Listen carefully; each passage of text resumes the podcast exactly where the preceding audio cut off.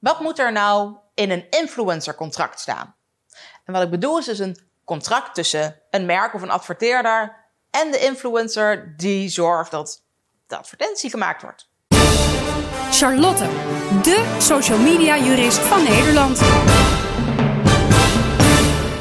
Goed, een influencercontract. Je bent influencer of je bent een adverteerder en daar moeten afspraken gemaakt worden. De influencer moet natuurlijk zorgen dat het product of het merk een beetje lekker in beeld gebracht wordt, dat daar positief over gesproken wordt. En de adverteerder moet daar natuurlijk tevreden mee zijn. Maar wat voor afspraken moet je nou maken? Je bent natuurlijk vrij om alle afspraken te maken die je wil maken. De wet hè, zegt hier helemaal niks over verder. Over het algemeen kun je, denk ik, een influencercontract wel zien als een overeenkomst van opdracht. Dat betekent dat daar wel een paar wettelijke bepalingen aan verbonden zijn. Zo kan de opdrachtnemer, dus dat is meestal de influencer, de opdracht vaak niet opzeggen. Terwijl de opdrachtgever de opdracht juist wel tussentijds kan beëindigen.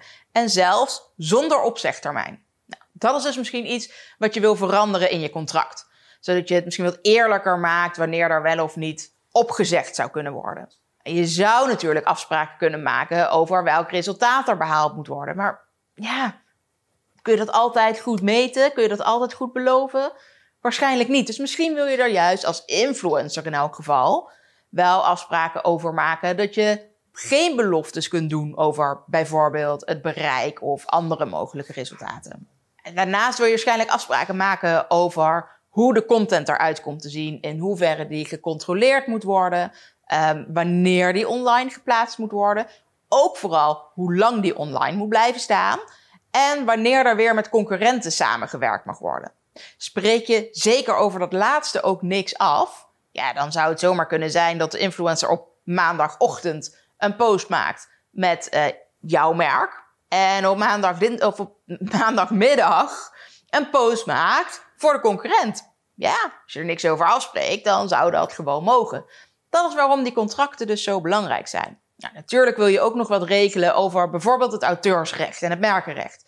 In hoeverre mag je als adverteerder het werk van de influencer zelf ook nog inzetten en gebruiken?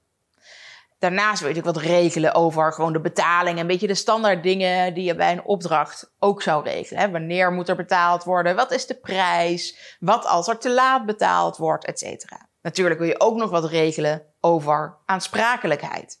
Nou, zo mag je dus eigenlijk alles in zo'n contract opnemen wat je wil.